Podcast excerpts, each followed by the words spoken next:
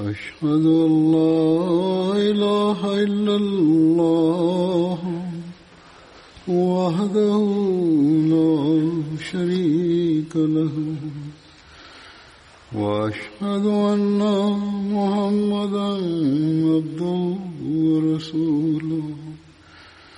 أما بعد فأعوذ بالله من الشيطان الرجيم.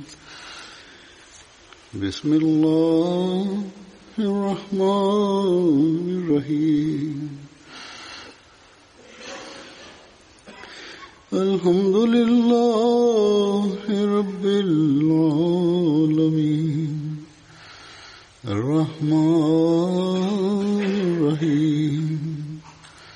مالك يوم الدين. إياك نعبد وإياك نستعين. اهدنا الصراط المستقيم. صراط الذين أنعمت عليهم. غير المغضوب عليهم ولا الضالين.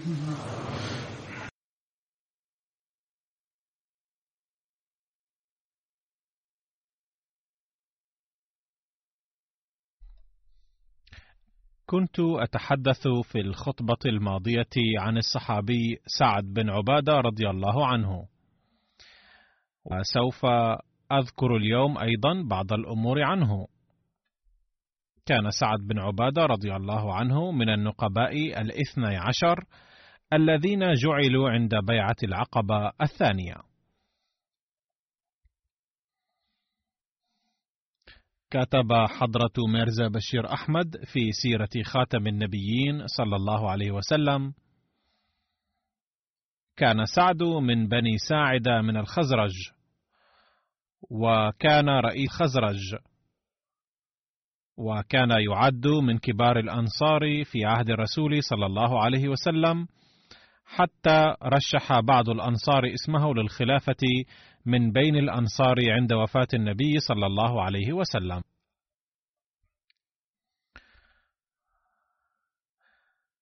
توفي في خلافة سيدنا عمر رضي الله عنهما.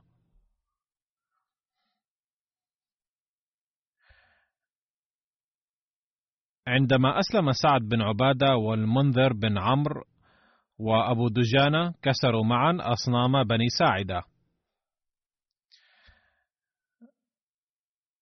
عندما وصل النبي صلى الله عليه وسلم مهاجرا إلى المدينة مر بديار بني ساعدة.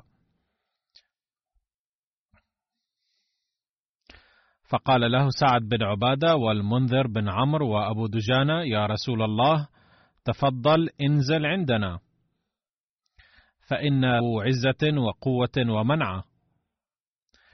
وقال سعد بن عبادة يا رسول الله ليس في قومي أحد أكثر مني نخلا وبئرا وقوة ومالا ومنعة وعددا. فقال النبي صلى الله عليه وسلم خلوا سبيل ناقتي فإنها مأمورة وسوف تبرك حيث تشاء.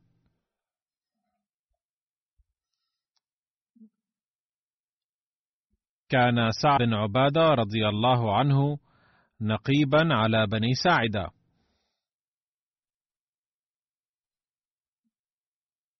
كما قلت آنفا كان من النقباء الذين عينوا.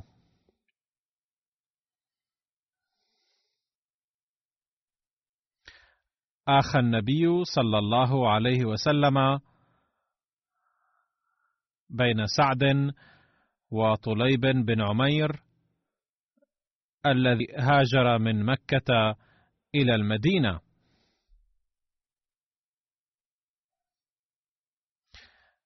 بينما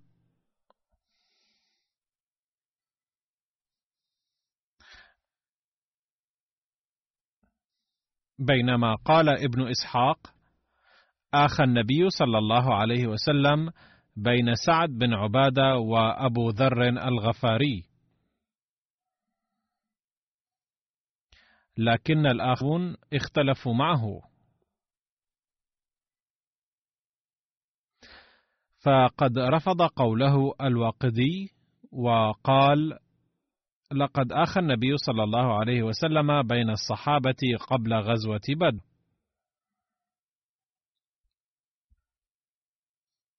وما كان أبو ذر الغفاري موجودا عندها في المدينة. ولم يشارك بدرا ولا احدا ولا الخندق بل حضر عند النبي صلى الله عليه وسلم بعد هذه الغزوات.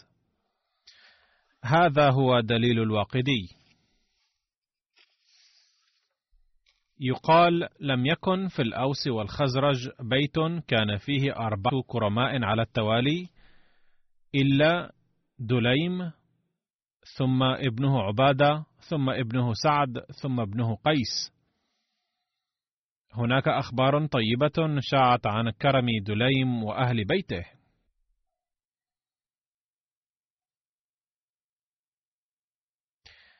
عندما قدم النبي صلى الله عليه وسلم إلى المدينة كان سعد يرسل إليه قصعة فيها الثريد من لحم وخبز أو لبن أو خل أو زيتون أو سمن.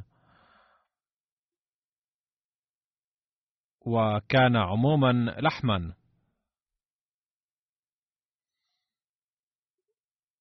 وكانت قصعة سعد تمر مع النبي صلى الله عليه وسلم ببيوت أزواجه المطهرات. بمعنى أن أزواجه صلى الله عليه وسلم أيضا كنا يأكلن منه. هناك روايات تقول أنه كانت أحيانا تأتي أيام وليس في بيت النبي صلى الله عليه وسلم شيء للأكل.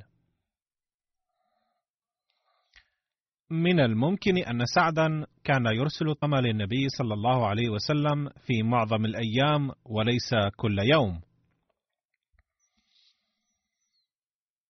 أو كان يرسله كل يوم في أول الهجرة. لعل سبب عدم وجود طعام في بيت النبي صلى الله عليه وسلم أياما أنه كان بسبب كرمه واعتنائه بالفقراء يوزع طعامه على الفقراء ويطعمهم.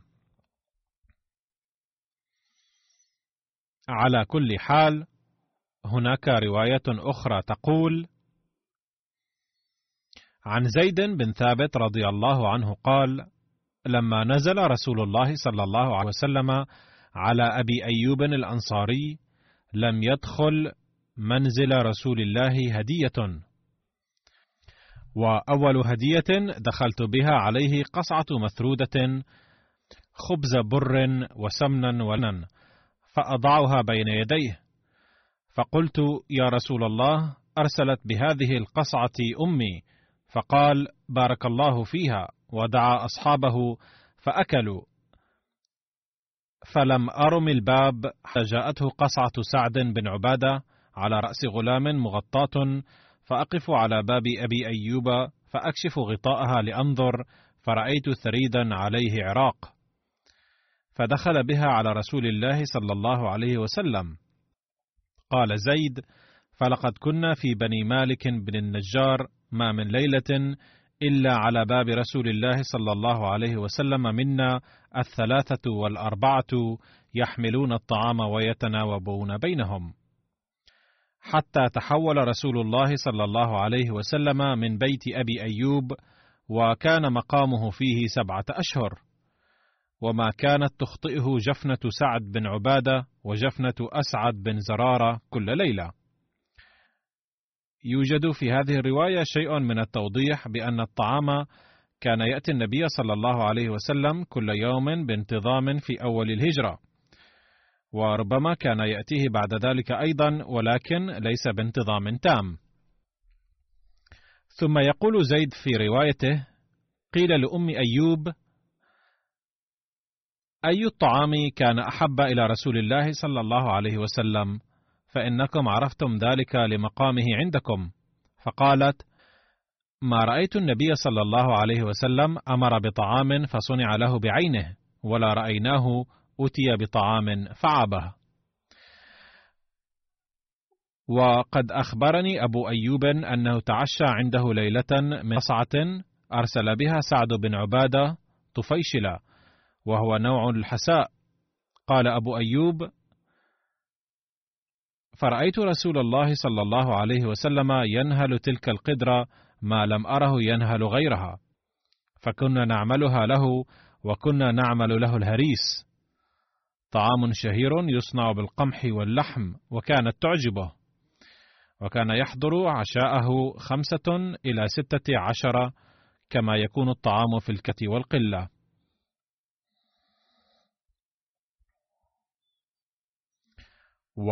وكتب حضرة ميرزا بشير أحمد وهو يتحدث عن مكوث النبي صلى الله عليه وسلم في أبي أيوب الأنصاري رضي الله عنه.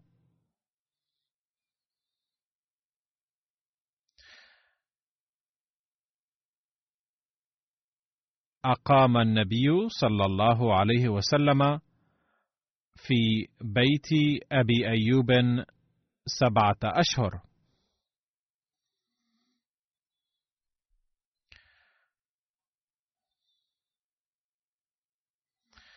وبحسب رواية ابن إسحاق حتى شهر صفر من السنة الثانية من الهجرة.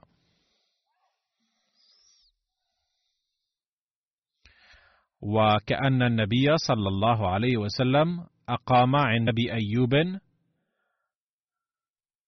حتى بناء المسجد النبوي والحجرات معه.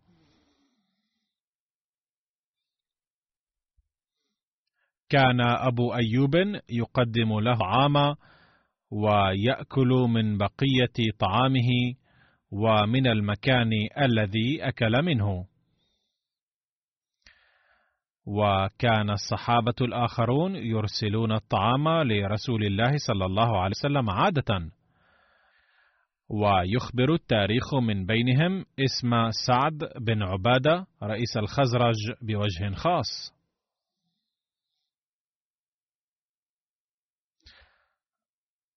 فعن أسن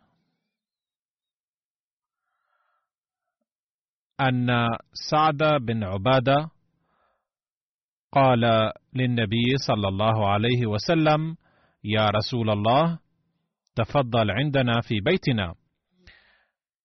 فذهب معه النبي صلى الله عليه وسلم إلى بيته فقدم له سعد التمر والسمسم. ثم أتاه بقدح لبن فشرب منه. وعن قيس بن سعد بن عبادة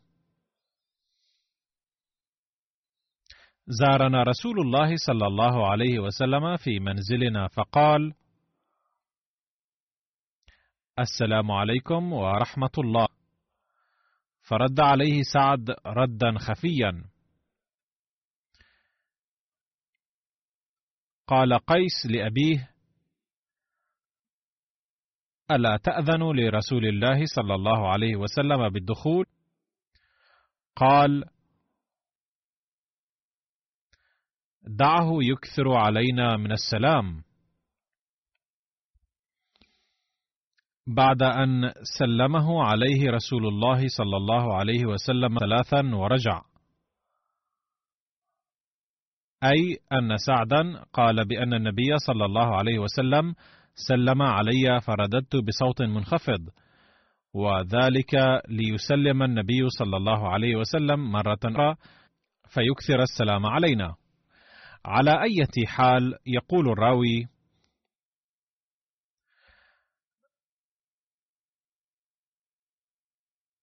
فانصرف صلى الله عليه وسلم فأسرع سعد وراءه.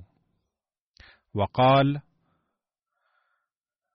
يا رسول الله كنت أسمع تسليمك وأرد عليك ردا خفيا لتكثر علينا السلام. فانصرف معه رسول الله صلى الله عليه وسلم وقال سعد للنبي صلى الله عليه وسلم عن غسل فاغتسل. ثم ناوله ملحفة مصبوغة بزعفران أو ورس فاشتمل بها.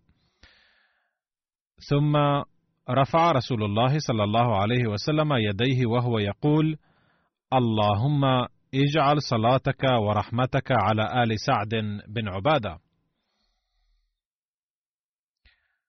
ورويت هذه الرواية نفسها عن أنس على هذا النحو استأذن رسول الله صلى الله عليه وسلم مرة على سعد بن عبادة أي أراد الدخول إلى بيت سعد فقال السلام عليكم ورحمة الله. فقال سعد وعليكم السلام ورحمة الله. ولم يسمع النبي صلى الله عليه وسلم حتى سلم ثلاثا ورد عليه سعد ثلاثا ولم يسمعه. فرجع النبي صلى الله عليه وسلم فأتبعه سعد فقال يا رسول الله بأبي أنت وأمي ما سلمت تسليمة إلا هي بأذني. ولقد رددت عليك ولم أسمعك أي لم أبلغك صوتي. أحببت أن أستكثر من سلامك ومن البركة. ثم دخلوا البيت فقرب له زبيبا فأكل نبي الله صلى الله عليه وسلم. فلما فرغ قال أكل طعامكم الأبرار وصلت عليكم الملائكة. وأفطر عندكم الصائمون. أي دعا له بهذا الدعاء. يقول العلامة ابن سيرين كان أهل الصفة إذا أمسوا انطلق الرجل بالواحد أو بالاثنين منهم لإطعامهم الطعام. أما سعد بن عبادة فكان يعشي كل ليلة ثمانين من أهل الصفة. هذا ما كان يحدث في معظم الأحيان ولكن قد أتى على أصحاب الصفة يوم اضطروا للبقاء جائعين أيضا كما ورد في بعض الروايات. على أي حال كان الصحابة يهتمون بهؤلاء الفقراء من أصحاب الصفة الذين كانوا يجلسون عند باب النبي صلى الله عليه وسلم. وكان سعد بن عبادة أكثر من كان يهتم بهم. بعد هجرة النبي صلى الله عليه وسلم إلى المدينة بسنة واحدة سفر خرج النبي صلى الله عليه وسلم إلى الأبواء التي تبعد 23 ميلا عن الجحفة على شارع بين المدينة ومكة. ويوجد في هذا المقام قبر والدة النبي صلى الله عليه وسلم كان واءه يومها أبيض. استخلف رسول الله صلى الله عليه وسلم سعد بن عبادة رضي الله عنه على المدينة المنورة. تسمى هذه غزوة الأبواء واسمها الثاني غزوة ودان. يقول ميرزا بشير أحمد رضي الله عنه في كتابه سيرة خاتم النبيين حول غزوة ودان كما يلي كان دأب النبي صلى الله عليه وسلم أن يخرج أحيانا بنفسه مع أصحابه. أحيانا أخرى يبعث بعثا ويؤمر عليه أحد أصحابه. لقد أطلق المؤرخون تسميات مختلفة على المهمتين.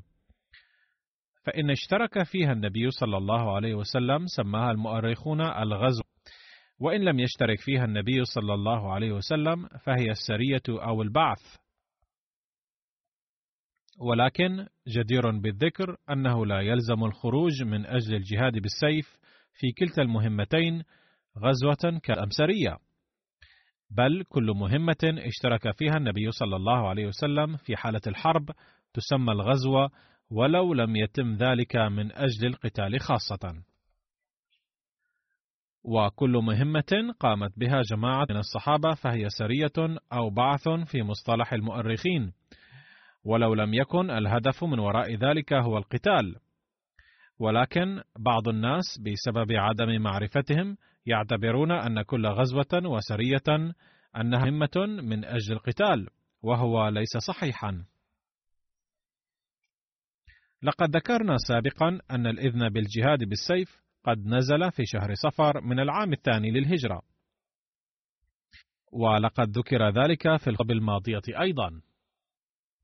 لما كانت هناك حاجة ماسة لاتخاذ إجراءات فورية للحفاظ على المسلمين من مخططات قريش الدموية ومكايدهم الخطيرة، لأجل ذلك خرج النبي صلى الله عليه وسلم من المدينة في هذا الشهر نفسه مع جماعة من المهاجرين. وقبل خروجه جعل سعد بن عبادة رئيس الخزرج أميرا على المدينة. سلك النبي صلى الله عليه وسلم طريق مكة التي كانت في جنوب غرب المدينة حتى وصل موضعا يسمى ودان. ولقد ذكر تفصيله قبل هذا أن بني ضمرة كانوا يسكنون هذه المنطقة. وهم فرع من بني كنانة وكذا كانوا أبناء عموم قريش. تكلم النبي صلى الله عليه وسلم مع رئيس بني ضمرة في هذا المقام وعقدا فيما بينهما معاهدة اتفقا عليها بشروط تالية: أن بني ضمرة يرتبطون بعلاقة الصداقة مع المسلمين، وأنهم لن يعينوا عدوا على المسلمين، وأن المسلمين إذا دعوهم لنصر أجابوه. ومن ناحية أخرى كتب النبي صلى الله عليه وسلم من طرف المسلمين أنهم يرتبطون بني ضمرة بعلاقات الصداقة وأن عليهم النصر لهم عند حاجتهم إليه. لقد حررت هذه المعاهدة وتم توقيع الفريقين عليها. فانصرف النبي صلى الله عليه وسلم إلى المدينة بعد غيبته خمس عشرة ليلة. تسمى غزوة ودان بغزوة الأبواء أيضا، لأن منطقة ودان قريبة من قرية الأبواء التي توفيت فيها والدة النبي صلى الله عليه وسلم. يقول المؤرخون أن النبي صلى الله عليه وسلم كان يقصد إضافة إلى بني ضمرة قريش مكة. ويتضح من هناك أن مهمته هذه كانت هادفة إلى إفشال خطط قريش الخطيرة والحيلولة دونها. وكان قصده من خلال هذه الغزوة إزالة ذلك التأثير السيء والخطير الذي كانت قوافل قريش تلقيه في قلوب قبائل العرب ضد المسلمين. وحيث كانوا يقومون في القبائل بدعاية خطيرة ضد المسلمين مما يجعلهم يتعرضون لأوضاع خطيرة. هناك رأيان فيما إذا كان سعد بن عبادة شهد بدرا أم لا؟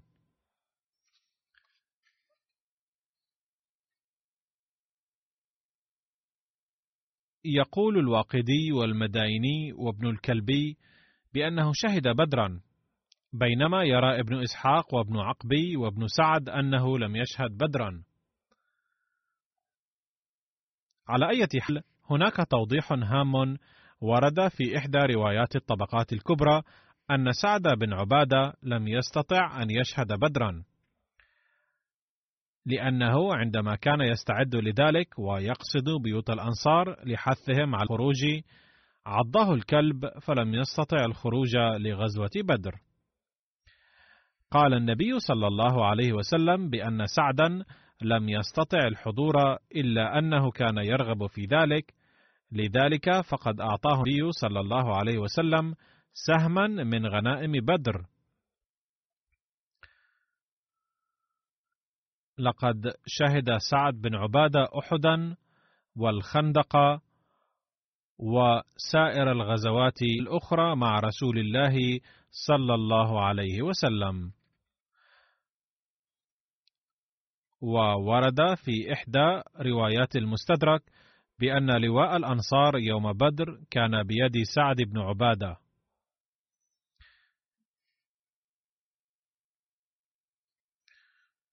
عند الخروج إلى بدر أهدى سعد بن عبادة للنبي صلى الله عليه وسلم سيفا يقال له العضب.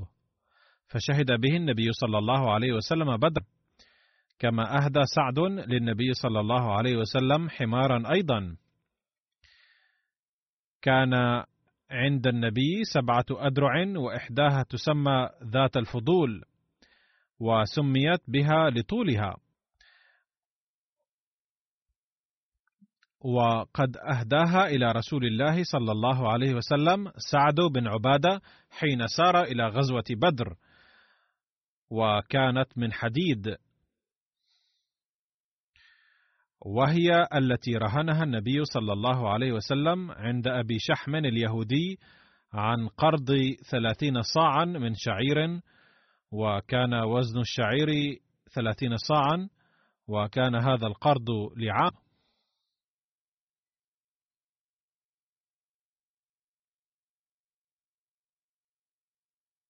عن ابن عباس أن راية النبي صلى الله عليه وسلم مع علي بن أبي طالب وراية الأنصار مع سعد بن عبادة.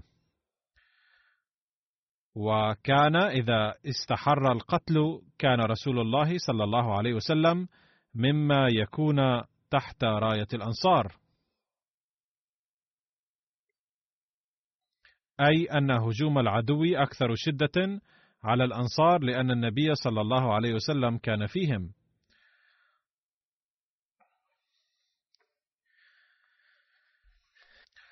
عن عروة بن بير أن أسامة بن زيد رضي الله عنهما أخبره أن رسول الله صلى الله عليه وسلم ركب على حمار على قطيفة فدكية وأردف أسامة بن زيد وراءه يعود سعد بن في بني الحارث بن الخزرج قبل وقعة بدر. قال حتى مر بمجلس فيه عبد الله بن أبي بن سلول وذلك قبل أن يسلم عبد الله بن أبي. وهذا هو الحادث نفسه الذي أساء عبد الله بن أبي بن سلول إلى النبي صلى الله عليه وسلم. فلما غشيت المجلس عجاجة الدابة خمر عبد الله بن أبي أنفه بردائه ثم قال لا تغبروا علينا. فسلم رسول الله صلى الله عليه وسلم عليهم ثم وقف. أي حين قال هذا الكلام أوقف النبي صلى الله عليه وسلم دابته وسلم عليهم. فنزل فدعاهم إلى الله وقرأ عليهم القرآن. فقال عبد الله بن أبي بن سلول أيها المرء إنه لا أحسن مما تقول. إن كان حقا فلا تؤذن به في مجلسنا. لقد سردت هذه القصة من قبل أيضا باختصار. ارجع إلى رحلك فمن جاء فاقصص عليه. فقال عبد الله بن رواحة بلى يا رسول الله فاغشنا به في مجالسنا فإنا نحب ذلك. فسب المسلمون والمشركون واليهود حتى كادوا يتثاورون فلم يزل النبي صلى الله عليه وسلم يخفضهم حتى سكنوا.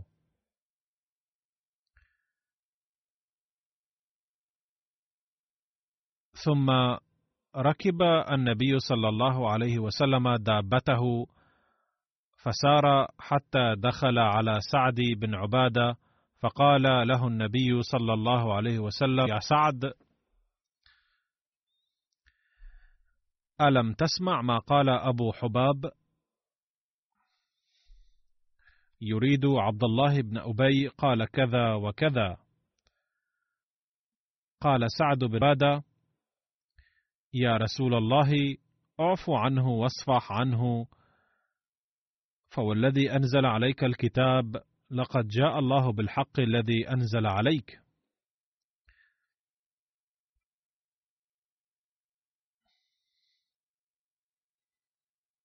لقد اصطلح أهل هذه البحيرة على أن يتوجوه فيعصبوه بالعصابة. لما أبى الله ذلك بالحق الذي أعطاك الله شرق بذلك فذلك فعل به ما رأيت. فعفى عنه رسول الله صلى الله عليه وسلم وكان النبي صلى الله عليه وسلم وأصحابه يعفون عن المشركين وأهل الكتاب كما امرهم الله ويصبرون على الأذى.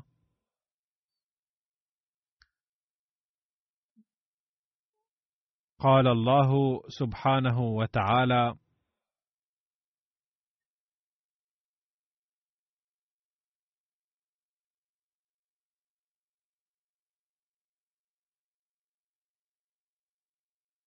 يترجم حضرته الآية السابقة إلى اللغة الأردية.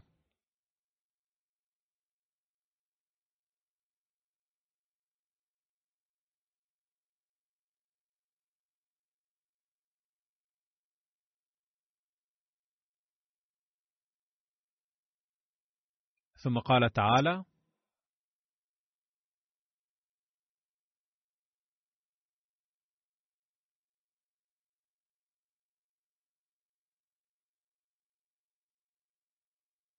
يترجم حضرته الآية السابقة إلى اللغة الأردية.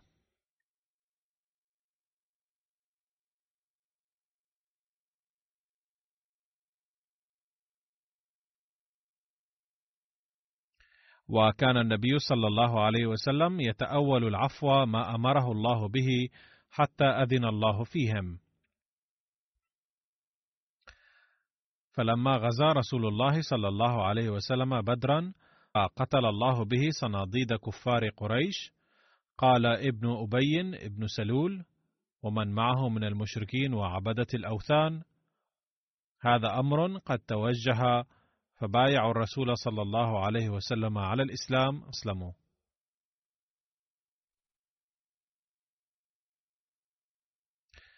عندما استشار النبي صلى الله عليه وسلم الصحابة عند غزوة بدر قال سعد بن عبادة كما جاء في رواية عن أنس أن رسول الله صلى الله عليه وسلم شاور حين بلغه إقبال أبي سفيان قال فتكلم أبو بكر فأعرض عنه ثم تكلم عمر فأعرض عنه فقام سعد بن عبادة فقال إيانا تريد يا رسول الله؟ والذي نفسي بيده لو أمرتنا أن نخيها البحر لأخذناها. ولو أمرتنا أن نضرب أكبادها إلى برك الغماد لفعلنا. برك الغماد مدينة تقع على شاطئ البحر على بعد خمس ليال من مكة. قال فندب رسول الله صلى الله عليه وسلم الناس فانطلقوا حتى نزلوا بدرا ووردت عليهم روايا قريش وفيهم غلام أسود لبني الحجاج فأخذوه فكان أصحاب رسول الله صلى الله عليه وسلم يسألونه عن أبي سفيان وأصحابه فيقول ما لي علم بأبي سفيان ولكن هذا أبو جهل وعتبة وشيبة وأمية بن خلف فإذا قال ذلك ضربوه فقال نعم أنا أخبركم هذا أبو سفيان. فإذا تركوه فسألوه فقال ما لي بأبي سفيان علم ولكن هذا أبو جهل وعتبة وشيبة وأمية بن خلف في الناس. فإذا قال هذا أيضا ضربوه ورسول الله صلى الله عليه وسلم قائم يصلي. فلما رأى ذلك انصرف قال والذي نفسي بيده لتضربوه إذا صدقكم وتتركوه إذا كذبكم. قال فقال رسول الله صلى الله عليه وسلم هذا مصرع فلان. قال ويضع يده على الأرض ها هنا ها هنا. قال فما ماط أحدهم عن موضع يد رسول الله صلى الله عليه وسلم. قبل غزوة أحد حرس ذات مرة سعد بن معاذ وأسيد بن حضير وسعد بن عبادة باب النبي صلى الله عليه وسلم حاملين السلاح من مساء يوم الجمعة إلى صباح الغد.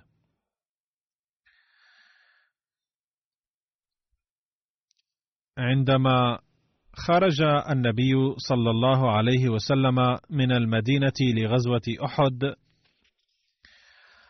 ركب حصانه ووضع القوس على عاتقه وأخذ الرمح باليد.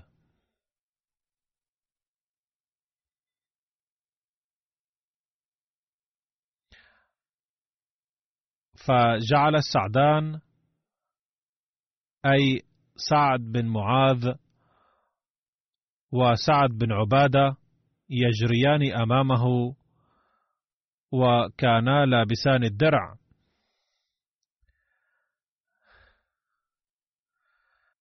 أما الصحابة الآخرون فكانوا على يمين النبي صلى الله عليه وسلم ويساره.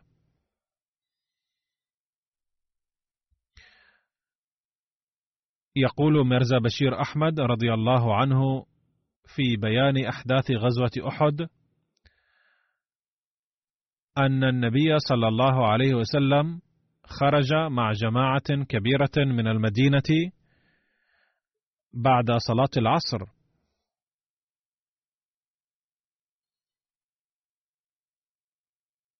كان رئيسا قبيلة الأوس والخزرج أي سعد بن معاذ وسعد بن عبادة يجريان أمام دابته. أما بقية الصحابة فكانوا يمشون على يمينه ويساره. والصحابة الذين ثبتوا مع النبي صلى الله عليه وسلم يوم أحد كان من بينهم سعد بن عبادة رضي الله عنه. وحين رجع النبي صلى الله عليه وسلم من أحد إلى المدينة نزل من حصاره ودخل بيته مستندا إلى سعد بن معاذ وسعد بن عبادة لأنه كان مصاب جروح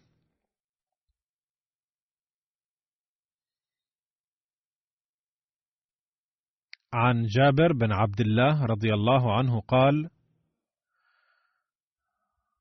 كانت عامة زادنا التمر في غزو حمراء الأسد.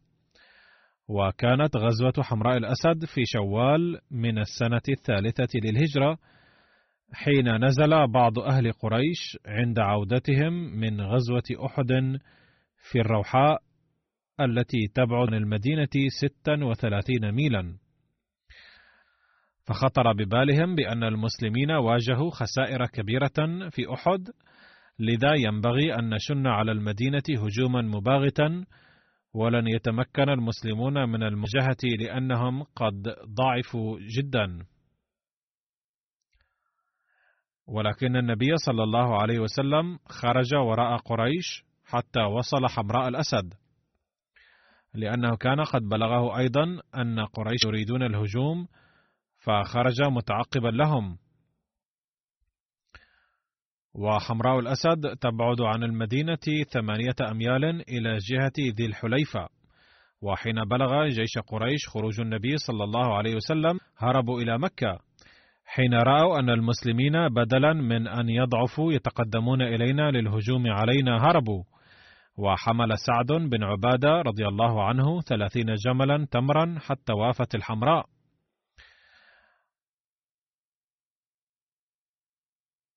وساق جزرا فنحروا في يوم اثنين وفي يوم ثلاثا للأكل.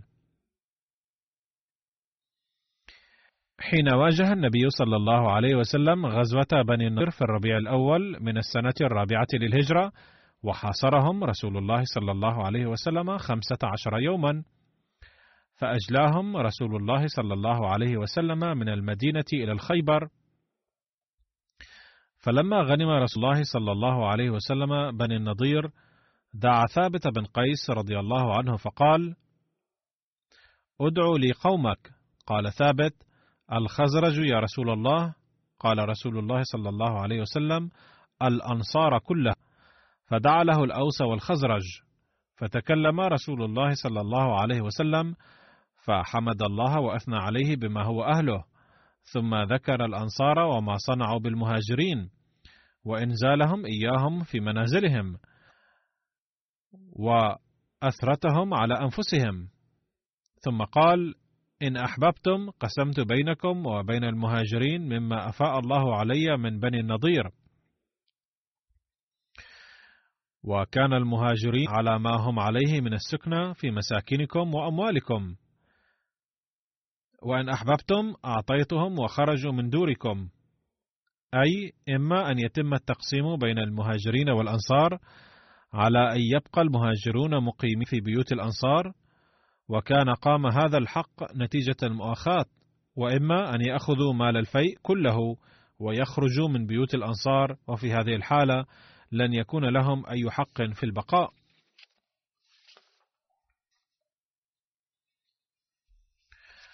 فتكلم سعد بن عبادة وسعد بن معاذ فقالا يا رسول الله بل تقسيمه للمهاجرين ويكونون في دورنا كما كانوا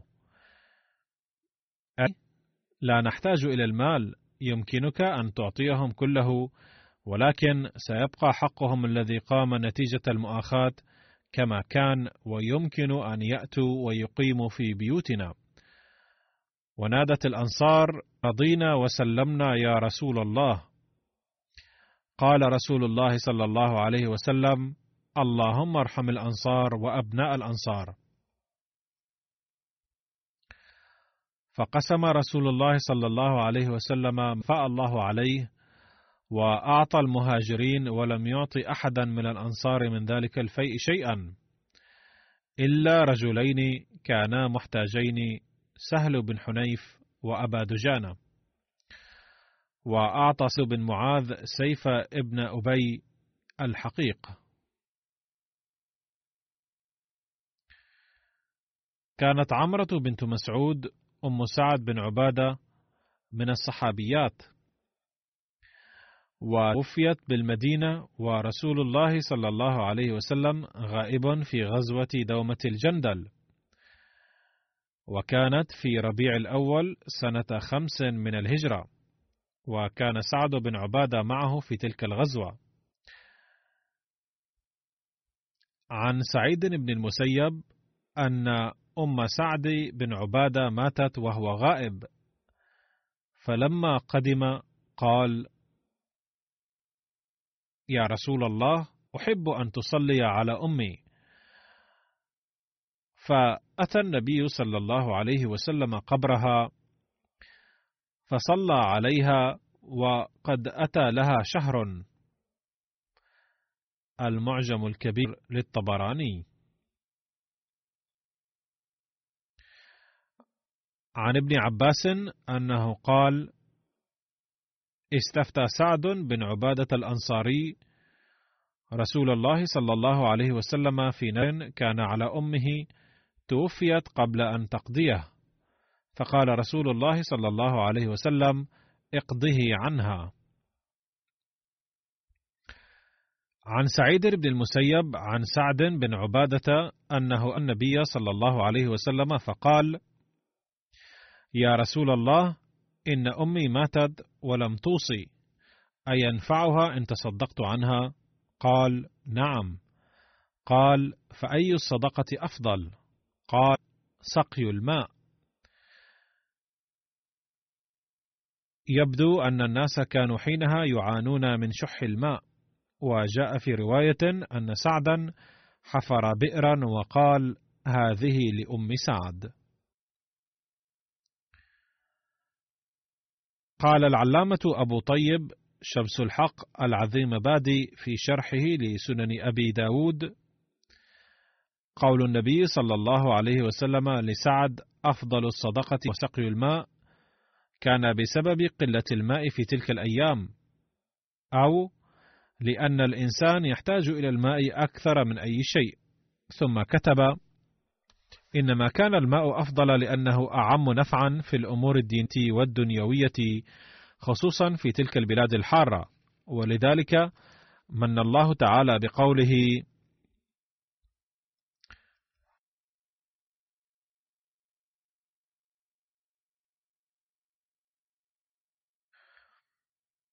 كان هناك في المدينة أفضل لشدة الحر والحاجة وقلة الماء.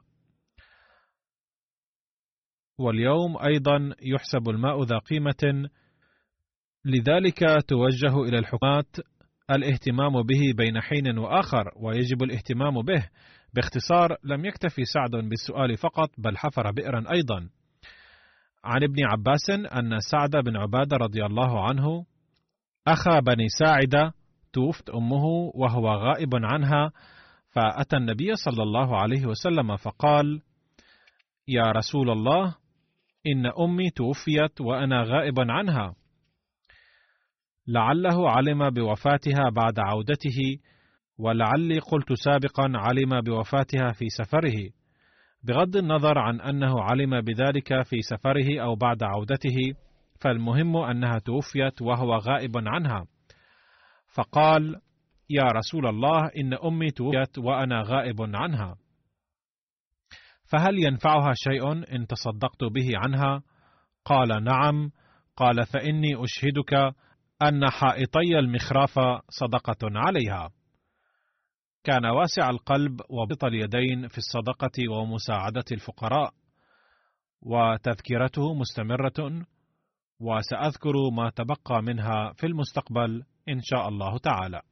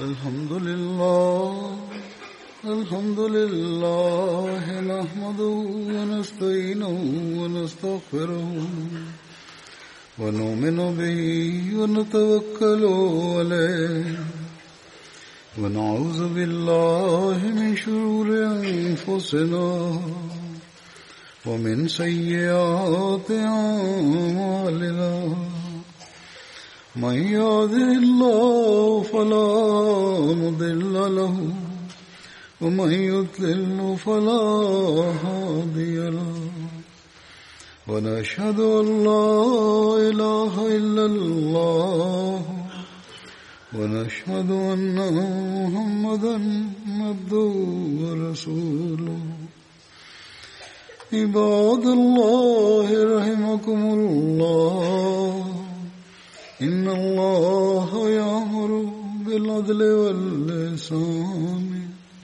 وإيتاء ذي القربى وينهى عن الفحشاء